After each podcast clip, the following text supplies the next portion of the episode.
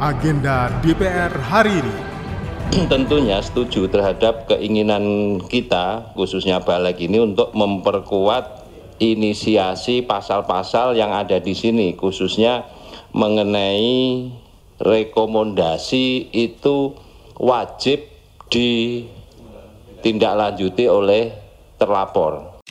Saya kebetulan pernah jadi pelaku berhadapan dengan ombudsman karena menurut undang-undangnya itu nggak jelas, kadang-kadang kami lakukan, kadang-kadang kami tidak dilakukan ya nggak apa-apa gitu. Jadi yang menurut saya mungkin ini udah tercover di pasal tapi saya belum baca mengenai tugas dan wewenangnya daripada ombudsman.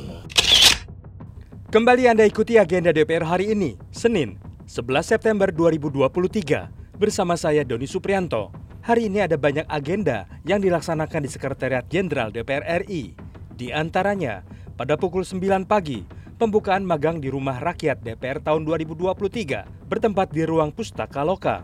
Sekarang kita beralih ke pukul 10 waktu Indonesia Barat, di mana Komisi 11 menggelar rapat kerja dengan Menteri PPN, Kepala Bapenas, dengan agenda pembahasan rencana kerja anggaran Kementerian PPN dalam rancangan Undang-Undang Anggaran Pendapatan Belanja Negara tahun 2024 Badan Legislasi menggelar rapat pleno penyusunan rancangan undang-undang tentang ombudsman dan presentasi tim ahli.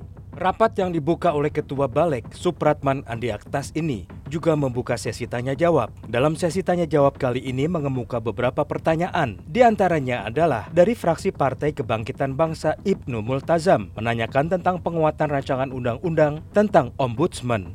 Uh, saya tentunya setuju terhadap keinginan kita, khususnya Balek ini untuk memperkuat inisiasi pasal-pasal yang ada di sini khususnya mengenai rekomendasi itu wajib ditindaklanjuti oleh terlapor.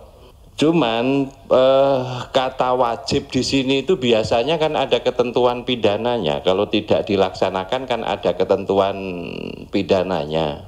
Nah, di sini itu belum ada norma yang mengatur ketentuan pidananya. Soalnya kalau tidak diatur ketentuan pidananya, nanti kalau sudah jadi undang-undang, misalnya jadi, misalnya jadi, loh ini kok nggak ada ketentuan pidananya, wajib ini berarti kan ya hanya kata-kata wajib saja, jadi artinya tidak begitu mengikat, tidak begitu apa namanya memberikan ancaman yang uh, bisa menjadikan terlapor itu sungguh-sungguh memperhatikan atas rekomendasi itu. Sementara dari fraksi Partai Gerindra, Darori Wonodipuro menanyakan konsekuensi dari keputusan yang dibuat oleh Ombudsman.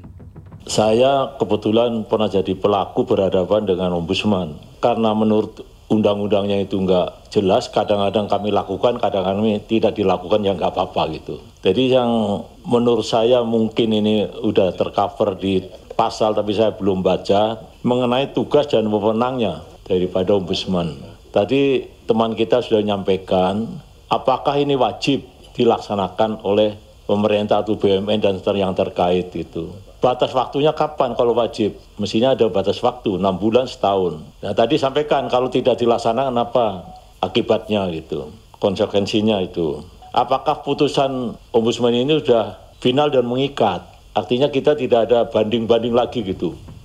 Lanjut kita ke pukul 13 waktu Indonesia Barat di mana digelar rapat dengar pendapat Panja BUMN Komisi 1 dengan Dirjen Anggaran Kementerian Keuangan Deputi Bidang Politik Hukum Pertahanan dan Keamanan Bapenas, Deputi Bidang Kebijakan Pembangunan BRIN, Direktur Pengkajian Keamanan dan Geografi Lemhanas dengan acara kebijakan strategis yang mampu menciptakan iklim kondusif bagi pengembangan industri pertahanan nasional, kinerja holding BUMN Industri Pertahanan Nasional untuk kepentingan bangsa dan negara. Selanjutnya kita beralih ke ruang Komisi 2, di mana Komisi 2 menggelar rapat panja pembahasan perubahan rancangan Undang-Undang IKN, pembahasan pendaftaran inventaris masalah perubahan rancangan Undang-Undang tentang IKN. Masih di jam yang sama, Komisi 10 DPR RI menggelar rapat intern panja rancangan Undang-Undang Kepariwisataan dengan Badan Keahlian DPR membahas hasil kajian penggunaan anggaran fungsi pariwisata. Selanjutnya, Badan Legislasi menggelar rapat pleno dengan Menkumham dan PPUU DPD dalam rangka evaluasi kedua prolegnas rancangan undang-undang prioritas tahun 2023 dan penyusunan prolegnas rancangan undang-undang prioritas tahun 2024. Sampailah kita pada agenda terakhir di hari ini, di mana pada pukul 15, Badan Legislasi kembali menggelar rapat panja melanjutkan harmonisasi rancangan undang-undang tentang perubahan kedua atas Undang-Undang Nomor 19 Tahun 2023 tentang Badan Usaha Milik Negara. Pendengar, hari ini ada banyak agenda yang dilaksanakan. Kita berharap semoga apa yang diagendakan di hari ini dan dibahas bersama-sama menghasilkan keputusan yang berpihak kepada kepentingan masyarakat. Demikian agenda DPR hari ini. Untuk informasi selengkapnya, simak dan ikuti media sosial TV dan radio parlemen. Saya Doni Suprianto. Sampai jumpa. Agenda DPR hari ini.